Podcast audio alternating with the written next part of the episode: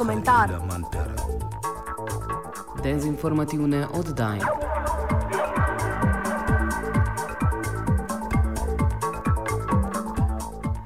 Priznam, televizijske informativne oddaje me živcirajo.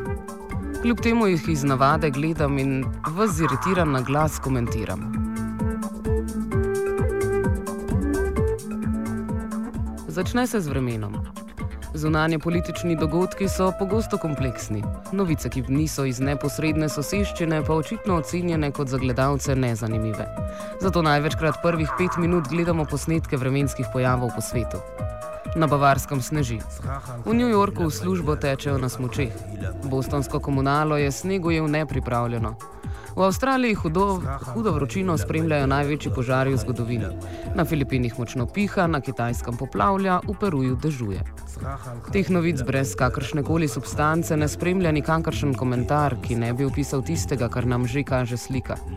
Suhoparno poročilo o morebitnih žrtvah je pospremljeno s posnetkom jokajočega neznanca, ki pove, da je izgubil vse. Prispevek se največkrat konča s starcem ali starko, ki pove, da če se takega ne pomni, ali pa z nesmiselnim vprašanjem na ključnemu mimoidočemu. Ob zadnjem valu hladnega zraka v severovzhodnji Ameriki smo tako od štirih neznanih pešcev slišali, da jim je hladno. Termometer očitno ne laže. Te novice nas pripravijo na del v Sloveniji, kjer v primerjavi s poplavljenimi, revnimi in opustošenimi Filipini niti ni tako hudo.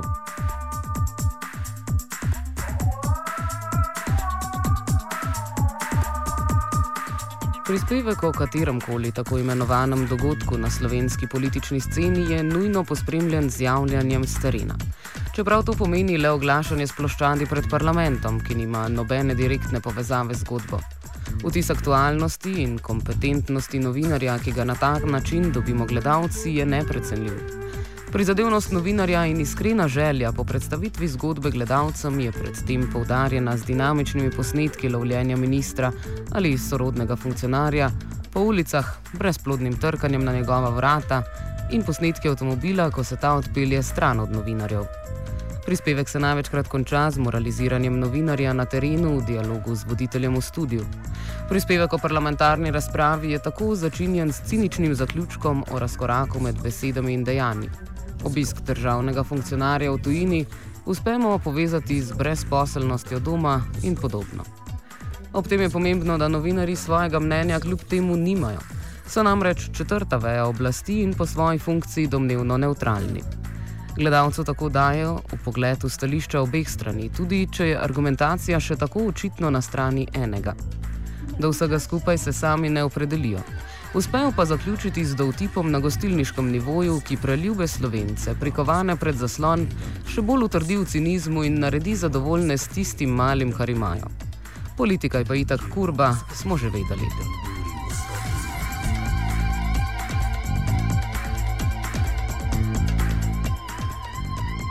Novinari ob tem največkrat nastopajo z pozicije vednosti. Svojo vlogo branika demokracije in obveščenosti državljanov pa jemljajo preveč resno in poveličujejo svoj poklic, ki sam po sebi ni nič bolj plemenit kot katero koli drugo delo.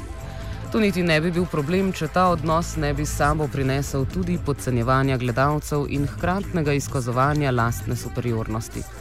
Novinari tako govorijo o košaricah socialnih ugodnosti in za stvari, s katerimi se srečujemo v vsakdanjem življenju in jih ne bi smelo biti pretežko poimenovati, naprimer socialni prejemki, otroške doklade in podobno, uporabljajo slikovite prispodobe košaric, paketov in svežnjev, kot bi novice poskušali razložiti Tarzanu, vrženemu v beli svet.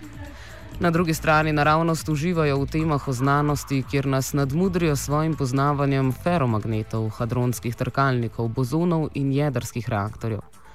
Ob vsakem zapletu v jedrski elektrarni tako poslušamo o tem, kaj točno se je zgodilo z jedrsko palico, v kateri bazen je padla in zakaj je to neprijetno.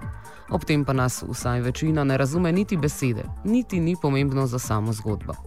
Tudi pri poročanju o plazu, naprimer, ne poslušamo geologa, ki bi natančno razložil, katera plast kamnine se je zaradi dežja odtrgala od matične plošče in zdrsela po pobočju. Zapletene razlage so rezervirane za prispevke o znanosti.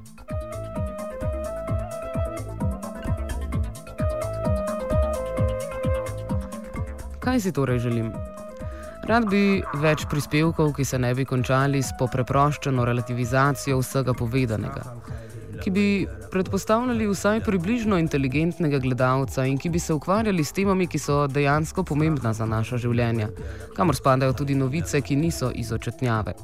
In manj vremena. Zunaj pač dežuje. Pa kaj?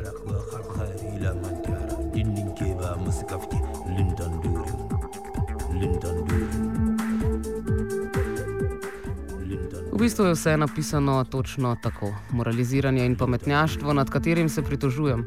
Ampak kaj češ, tudi sam sem le novinar.